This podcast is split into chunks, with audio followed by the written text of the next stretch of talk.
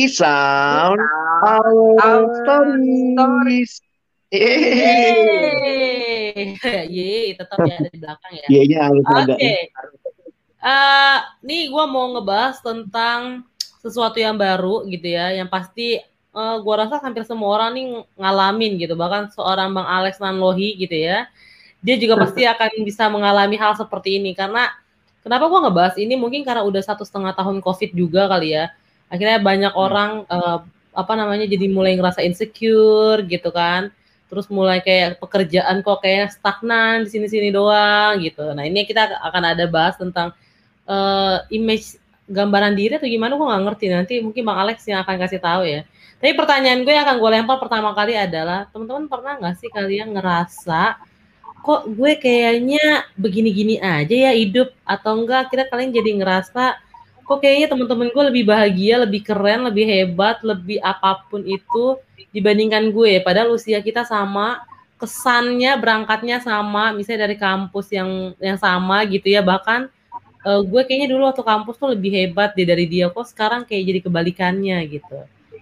Pernah nggak? Ernest gimana, Nas? Kalau Bang Alex duluan yang jawab langsung amin sih nanti jawabannya. Kayaknya Novi pernah deh. Ah ya, oke, gue berangkat dari dari gue dulu kali ya. Eh, Boleh. aturannya Ernest dulu nih, biar supaya jadi tektokan. Kalau ini ntar dari awal sampai akhir gue mulai yang ngomong. Kan biasa gitu lu dulu lah.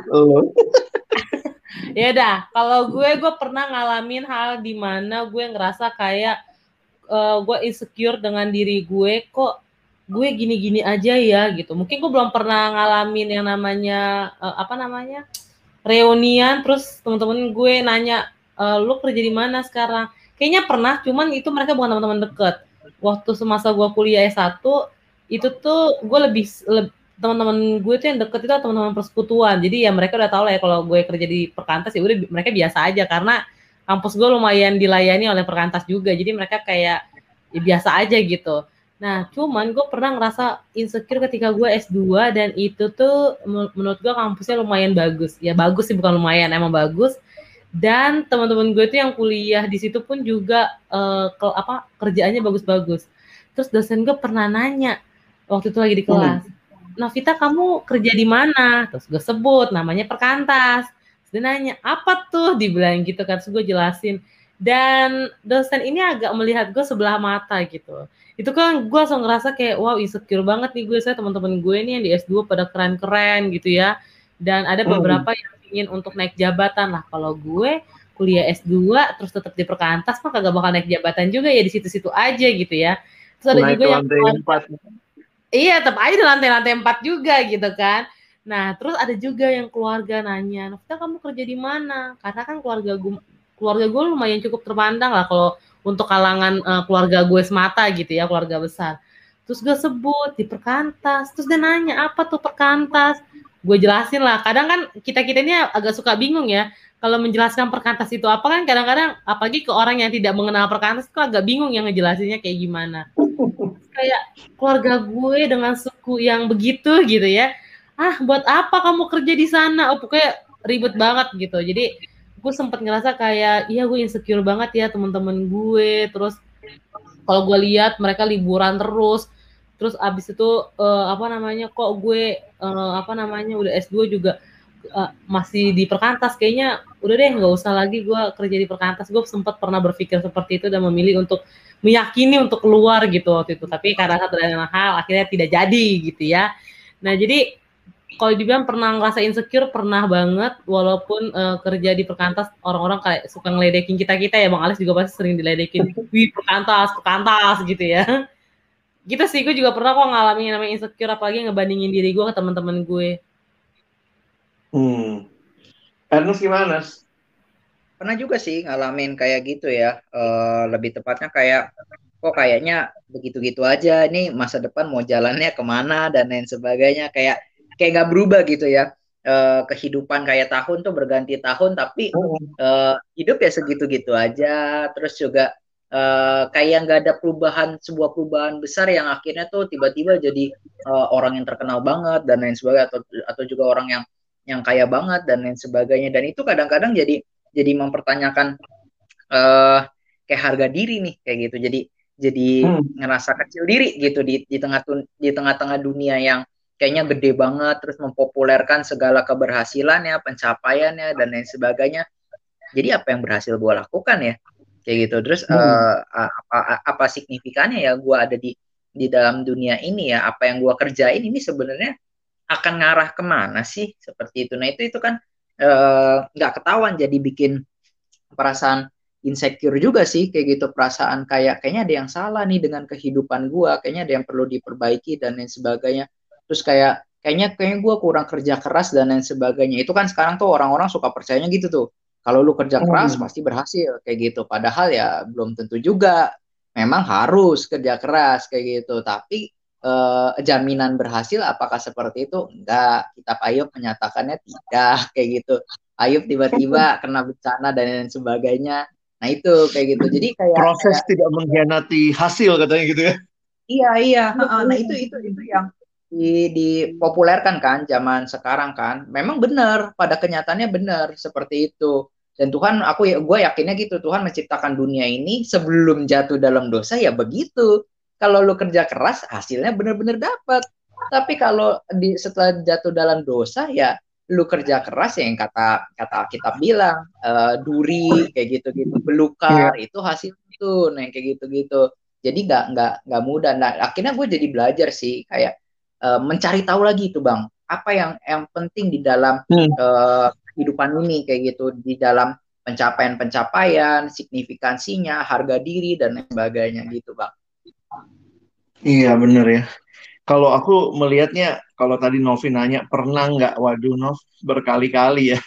Ya, buat aku yang sudah cukup lama di dalam pelayanan dan juga sudah cukup lama hidup dalam dunia, itu tuh ngalamin sih bahwa ada tahun-tahun ya, misalnya awal selesai kuliah, terus gabung, waktu itu kan ya gabung di pelayanan ini, terus kemudian lanjut untuk berpikir, eh, karena waktu itu mulai lihat tuh teman-teman mulai S2, wih, itu tuh kayak mulai tertekan, gile pada S2 gitu ya, terus kemudian waktu itu teman-teman pada S2 nya ke luar negeri gitu, terus ya gue mau ngapain gitu kalau tetap ini bagian yang Tuhan mau apa yang what next gitu ya. Terus mulai mulai eh, merasa bahwa gue tuh punya kapasitas lebih. Masa kerjaan gue ini ini doang gitu. Kok yang gue lakukan tuh cuman hal-hal yang tanda kutip ya. Mulai merasa sepele banget sih. Terus kayaknya merasa gue harusnya bisa lebih optimal gitu ya. Nah, masa-masa itu sih gue rasa memang mesti dilewatin ya mesti dilewatin di saat kita punya pergumulan dengan diri sendiri yang kadang-kadang selalu bertanya, selalu merasa saya harusnya lebih baik, lebih tepat, terus mau memberi yang terbaik gitu. Tapi jujur aja, waktu digali yang paling dalam, sebenarnya sedang berkata bahwa aku berharga kalau aku mencapai ini dan itu. Nah, pergumulan itu yang gue lihat ya, kadang-kadang kita kan kalau pelayanan ke anak remaja, ini nih kalian nih gagal menemukan identitas, ayo dong firm, identitas kamu dalam Tuhan. Tapi jujur ya, buat gue tuh itu malah lebih real waktu kerja loh. Bener nggak sih identitas gue dalam Tuhan? Makanya kalau orang bilang yang bergumul tentang identitas tuh cuman anak-anak SMA, anak-anak remaja, nggak juga. Banyak loh alumni atau orang-orang yang sudah bekerja lama bahkan menaruh identitas dirinya, harga dirinya dari kerjaan apa yang dia capai. Sehingga ketika misalnya, maaf kata ya, lagi pandemi, tahu-tahu kerjaan berhenti, oh banyak yang stres, banyak yang depresi. Kenapa? Karena memang menempatkan harga dirinya di pekerjaan gitu. Kalau gue sih ngelihatnya jujur aja, aku ngalamin itu berkali-kali dalam hidup setelah sekian puluh tahun dalam pelayanan dan akhirnya juga kayak setiap kali itu Tuhan kuatkan, Tuhan ingatkan. Jadi memang ikut Tuhan itu bukan berarti kalau kita udah tahu sesuatu tuh udah nggak ada masalah lagi. Tapi nikmatin prosesnya lah. Kalau gue ngelihatnya sih begitu. Gimana? Novi atau Ernest ada tambahan? Nah, nikmatin proses ini sebenarnya nggak gampang ya nggak sih, Bang? Mungkin orang-orang berpikir gini sih, eh apa nih namanya, kalian kan, nih, ini pandangan ke kita ya, gara-gara kita bertiga kan kebetulan staf perkantas gitu ya. Hmm. Eh, kita nggak bisa bilang bahwa staff-staff perkantas ini nggak pernah ngalamin. Cuman kan kalau ngomongin tentang uh, percaya sama proses gitu, orang-orang suka berpikir ya sampai kapan gitu. Kalian kan enak, staff perkantas emang ya udah kalian sudah mempersiapkan diri dengan hal-hal yang ya mungkin orang-orang suka berpikir aduh kok mau sih kuliah mahal-mahal terus jadi staff perkantas bisa seperti itulah ya. Udah Tapi kan prepare kan, hidup susah ya ya ya ya itu tergantung pemikiran orang. Maksud gue gue nggak bisa bilang kayak gitu gitu kan. Nah terus sedangkan orang-orang yang berkarir di luar kan pasti mereka berpikir kayak e, Tuhan udah udah udah izinin gue di sini nih. Harusnya kan begini begini begini. Jadi menikmati prosesnya kan udah lumayan berbeda kan bang sebenarnya. Gimana ya biar supaya mereka memahami bahwa setiap kita apa ya Tuhan punya rencana tapi jangan langsung lihat jauhnya tapi nikmatin prosesnya gitu loh bang maksud gue. Gimana untuk mereka bisa melihat dan hmm. hal itu sebenarnya? Coba deh kayaknya Ernest waktu itu punya cerita nih. Gimana lo ngalamin atau menghadapi itu Nes? Yang berat itu ya, gue jadi mikir gini ya kadang-kadang kan ada beberapa alumni yang yang walaupun nggak bisa dibandingkan hidup orang satu dengan yang lainnya Cuman kadang-kadang gue suka ngiri justru ya ngelihat alumni. Kalau alumni suka ngiri ngelihat staff-staff perkantas atau hamba Tuhan kayak gitu. Kadang-kadang tuh kita kayak gitu mungkin gue doang kali ya kayak gitu. Uh, yang kerjanya di uh, jadi seorang rohaniwan kayak gitu. Rohaniwan kayak gue rohani kayak, kayaknya rohani sih. Iya, Pembina rohani. Pasti semua orang rohani lah kayak gitu punya rohaniannya sendiri. Nah cuman uh, ngelihatnya tuh ngelihat alumni wah enak ya dia bisa punya gaji banyak kayak gitu. Terus juga dia uh, eh, AKK gue ada salah satu AKK gue yang dia bilang gue bilang waktu dia telepon teleponan kayak gitu kenapa? Gue tanya kenapa lu pindah ke sana? Kayak gitu iya bang kayak gitu. Uh, secara ini lebih bagus prospeknya dan lain sebagainya. Berapa pendapatan dua kali dari sebelumnya. Wow dua kali dari sebelumnya. Terus gue bilang kan karena gue PKK-nya oh ya udah lu tabung aja dan lain sebagainya buat iya bang gue udah nyiapin nih udah dialokasin dana pensiun dana gue dalam hati ah, dana pensiun udah ada gila gue aja belum bisa beli rumah kayak gitu. Lu udah udah mikir dana pensiun nih kayak gitu gitu nah itu itu yang gue mikir wah gila nih kalau gue kerja di di alumni emang gue nggak bisa apa nyari jadi begini dan lain sebagainya? Nah cuman justru di masa-masa pandemi ini gue jadi belajar sesuatu bang. Waktu di hmm. masa-masa pandemi ini nggak karena di rumah terus kayak gitu dan lain sebagainya gue jadi mikir sebenarnya apa sih yang kurang dari hidup gue gitu. Gue tiap hari makan nih ya kayak gitu. Ada ada ada uh, tukang sayur lewat. Gue beli sayur jadi itu harganya lima ribu kayak gitu. Satu satu hmm. lauk gue makan itu. Rasanya enak kayak gitu karena dia masaknya bagus gitu. Kecuali kalau ke hmm. kasinan dan sebagainya. Kadang-kadang pernah juga kasinan uh, karena masaknya ikan asin kan udah pasti asin kayak gitu. Nah apa uh, eh, gue membandingkan kalau gue beli harga uh, makanan yang seratus ribu sama-sama enak dua-duanya kayak gitu. Mungkin lebih enak yang seratus ribu tapi apakah habis itu gue nggak nggak nggak nggak lapar lagi? Lapar lagi kayak gitu. Nah terus makan lagi seratus ribu habis itu lapar lagi. Maksudnya rasa enaknya itu tuh ah, berhenti setelah gue selesai makan. Nggak setiap sepanjang oh. waktu empat jam lidah gue ngerasain rasa yang enak itu tuh kayak gitu. Nah itu gue jadi belajar ih ternyata hidup gue juga terawat kok. Kayak gitu. Ternyata uh, gue bisa menikmati hal-hal yang indah juga di dalam kehidupan ini yang Tuhan uh, berikan juga kepada gue dan lain sebagainya nah, dan apalagi sekarang gitu ya dengan uh, kemajuan hmm. teknologi ada beberapa hal yang uh, gue gua ada salah satu brand gitu ya minuman dia bilang uh, tagline-nya kayak gini uh, semua orang berhak minum enak dulu tuh hmm. kayak kayak yang mahal-mahal boba-boba gitu mahal-mahal harganya tiga puluh ribu berapa lah empat puluh ribu dan yang sekarang sebagainya sekarang ada harga yang murah kayak gitu dan itu diminum hmm. enak juga gitu. Enak juga dan lain sebagainya. Nah sebenarnya kalau di, di, dipertanyakan apakah uh, hidup orang-orang yang seperti itu sengsara?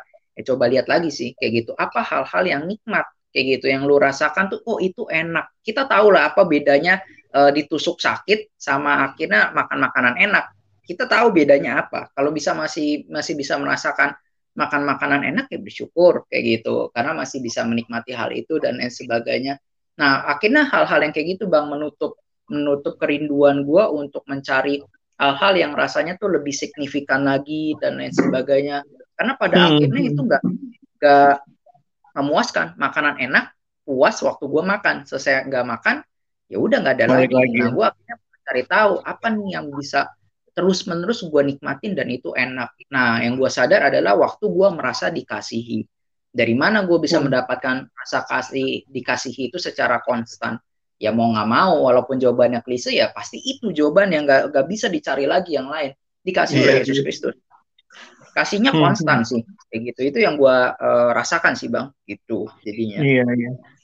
Nov, lu sendiri gimana? Ada ada pengalaman kah untuk kenapa akhirnya memutuskan bertahan di tengah-tengah mungkin juga kan pasti tarikan tadi kuat banget gitu ya.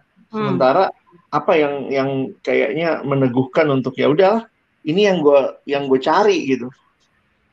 Kalau gue akhirnya melihat gini sih, uh, setiap kita sama kayak yang pernah gue tulis juga, setiap kita tuh punya hmm. tujuan tuh beda-beda Hmm. setiap kita pun dikasih visi sama Tuhan tuh beda-beda dan lu nggak punya hak bukan nggak punya hak ya dan lu ngapain mengcompare diri lu dengan orang lain yang kalau lu mau main hmm. compare-compare kalau lu mau, mau, mau bermain perbandingan lu harusnya membandingkan diri lu sekarang dengan diri lu yang dulu. Itu sih akhirnya gue lihat gitu. Dan wow. uh, itu sih akhirnya meyakini gue gini loh. Cepat tidak selamanya baik lambat juga nggak selamanya buruk. Karena menurut gue gini ngomongin tentang proses itu tuh ngomongin tentang lu dengan Tuhan. Bukan tentang bagaimana orang melihat. Ya biarkan manusia mencibir. Karena gini lu ada di tempat tertinggi pun pasti akan ada orang yang ngomongin dan mencibir tapi hmm. kalau lu di bawah pun pasti akan ada orang yang mencibir juga gitu nah tapi ketika lu ketika lu di atas dan banyak orang yang mencibir tapi tidak ada yang menemani kan lu akan lebih kesepian makanya menurut gua hmm. komunitas hmm. membuat gua meyakini bahwa apa ya Tuhan tuh membiar bukan ketika gue masuk dalam proses tuh Tuhan tetap memimpin dan menemani sih dibandingkan lo ada di tempat tertinggi yang kayak lu impi-impikan tapi nggak ada temen ya buat apa gitu dan akhirnya lu cuma hidup di dalam omongan orang standarnya orang sedangkan kita tuh nggak akan pernah bisa sesuai dengan ekspektasi orang nggak pernah akan sesuai dengan uh, omongan orang mau seberapa banyak orang yang mau lu dengar dan lu banding yang yang menerima perbandingan lu gitu saya kayak Bang Alex ngebandingin gue nih, Nov kok lu nggak hmm. kayak si ini sih dia udah begini gini gini gini loh, gue dengerin nih. Harus ngomong lagi. Misalnya gue udah sesuai dengan ekspektasi Bang Alex. Nanti Bang Alex akan punya ekspektasi yang baru lagi dan Ernest akan masuk nih. Kalau nggak gini gini gini gini gini mau sampai kapan gitu? Berarti kan gue hidup di dalam omongan orang, bukan tentang gue menjalani visinya Tuhan. Jadi menurut gue yang perlu kita, ya akhirnya gue melihat gini sih. Hal yang penting itu adalah lu cari tahu kenapa Tuhan masukin lu ke dalam dunia ini intinya itu ketika lu udah tahu dan lu udah, udah yakin ya udah gitu nikmati prosesnya karena menurut gua kalau Tuhan nyuruh lu pergi akan begitu banyak cara yang Tuhan bukakan untuk lu pergi gitu. Maksudnya uh, pindah tempat kantor atau enggak ketika ketika lu harus menikah. Gue yakin segala sesuatu tuh emang Tuhan udah punya rencana. Balik lagi ke lu apa kalau sudah siap atau enggak. Nah kalau misalnya lu belum siap mau gimana pun lu mau cungkir balik terjuntai-juntai mau bagaimana juga terjun payung juga kalau emang waktunya ya udah nggak akan dikasih sih kecuali kalau lu memaksakan dan itu bukan tanpa seizin Tuhan eh bukan bukannya nggak seizin Tuhan sih. Ya emang itu janjian sebenarnya bukan kehendak Tuhan saat itu juga tapi lo terlalu memaksakan hmm. dan hajar bleh aja gitu. Jadi menurut gua nikmatin prosesnya sih karena yang gue pegang cepat tidak selamanya bagus. Karena kan orang selalu berpikir harus cepat cepat cepat cepat cepat gitu kan. Hmm. lambat juga nggak selamanya buruk karena emang ada saatnya lu lambat gitu. Karena kalau semuanya cepat nanti ketabrakan. Semua cepat gitu kan ya emang ada ada juga yang harus ditahan. Biar supaya yang cepat ini bisa jangan ketabrakan sama yang lambat misalnya. Emang ya karena tenaga kita juga beda-beda sih. Jadi jangan pernah compare ke diri orang lain atau enggak. Apalagi dengan sosial media langsung lihat sosial medianya orang ih kok gue nggak bisa begini? Kok orang lain begini? Gitu. Karena tiap orang beda-beda sih menurut gua. Akhirnya gua ngeliatnya gitu. Hmm benar-benar jadi ini ya kalau kalau gua garis bawahi yang teman-teman katakan ya kita perlu gitu ya. Kalau gua tadi ngelihat yang Ernest bilang soal konstan ya. Konstan itu gini situasi hidup tuh berubah-ubah. Hari ini kadang happy mencapai apa yang kita pengen. Besok tuh mungkin hancur semua gitu ya. Yang kita rencanain aja nggak jalan gitu. Jadi sebenarnya kalau kita menilai hidup dari kondisi, sementara kondisi itu berubah-ubah. Terus kadang-kadang kondisi itu mempengaruhi perasaan kita kan. Kita hari ini sedih banget gitu ya, gila target gua nggak dapet misalnya gitu. terus besoknya wow gembira banget gitu. Itu kan berubah-ubah. Kondisi atau situasi berubah-ubah, perasaan kita pun berubah-ubah.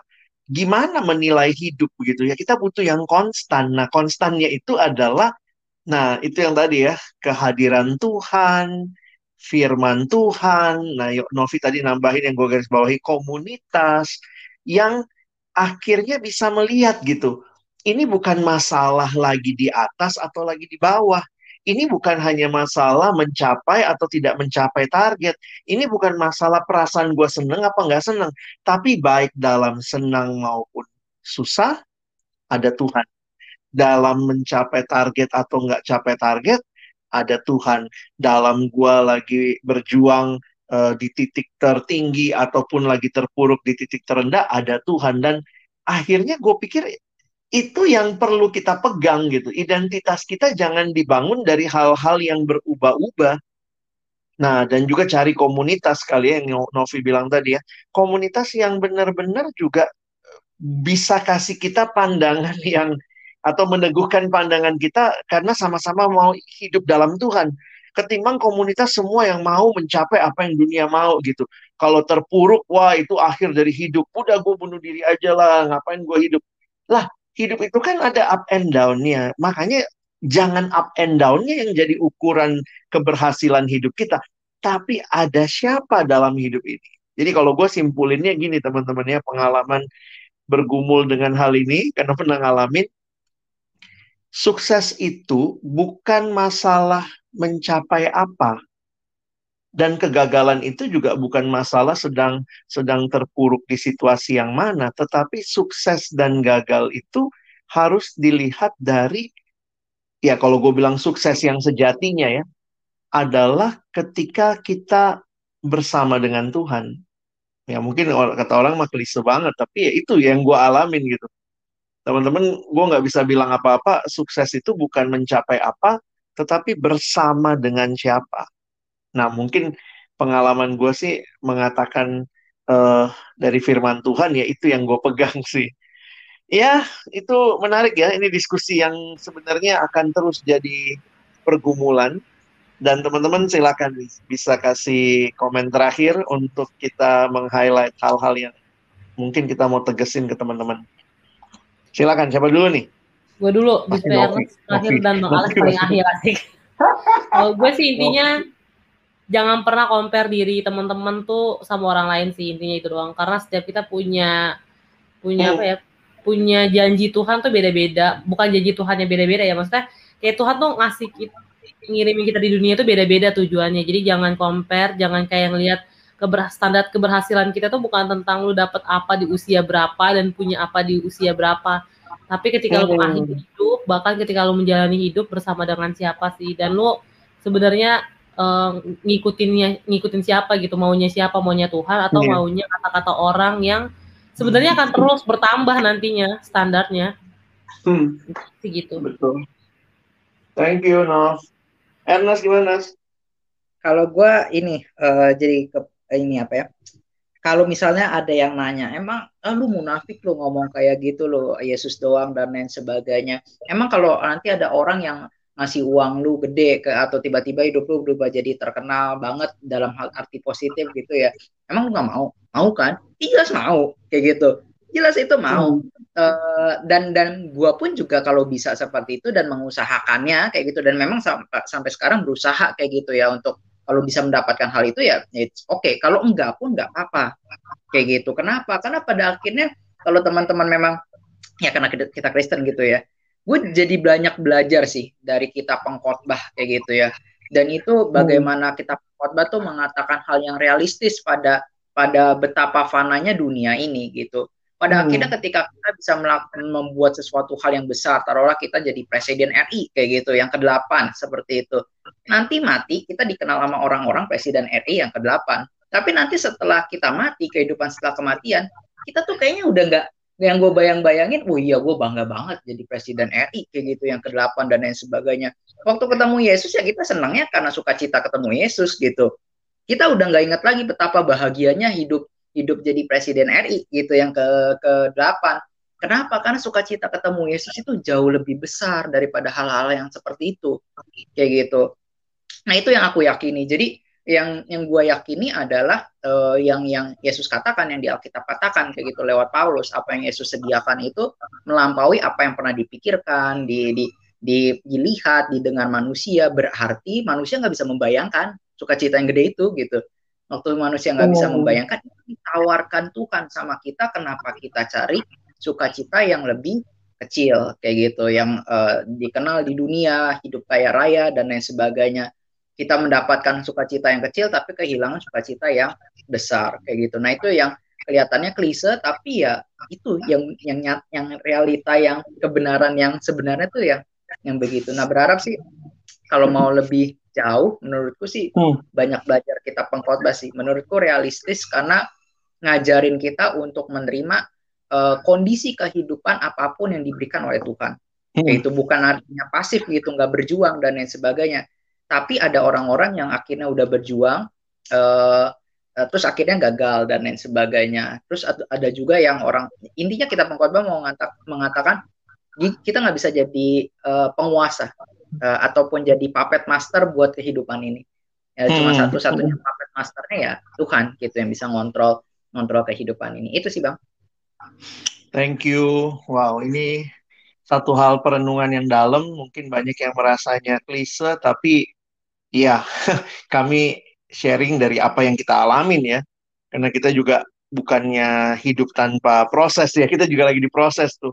Dan kalau gue belakangan ini lagi banyak perhatiin status-status teman, jadi yang di usia-usiaku ini sudah banyak yang jadi pimpinan di mana-mana, kepala inilah, kepala itu gitu bersyukur ya nggak nggak kita bukannya jadi bukannya jadi iri dengan keberhasilan orang tetapi waktu menyadari iya tiba-tiba dalam situasi covid ini ya eh, banyak berita duka dan termasuk teman-teman gue yang umur-umur gue gitu ya yang kepala-kepala di sana sini gitu. Ih dia bisa meninggal juga gitu loh.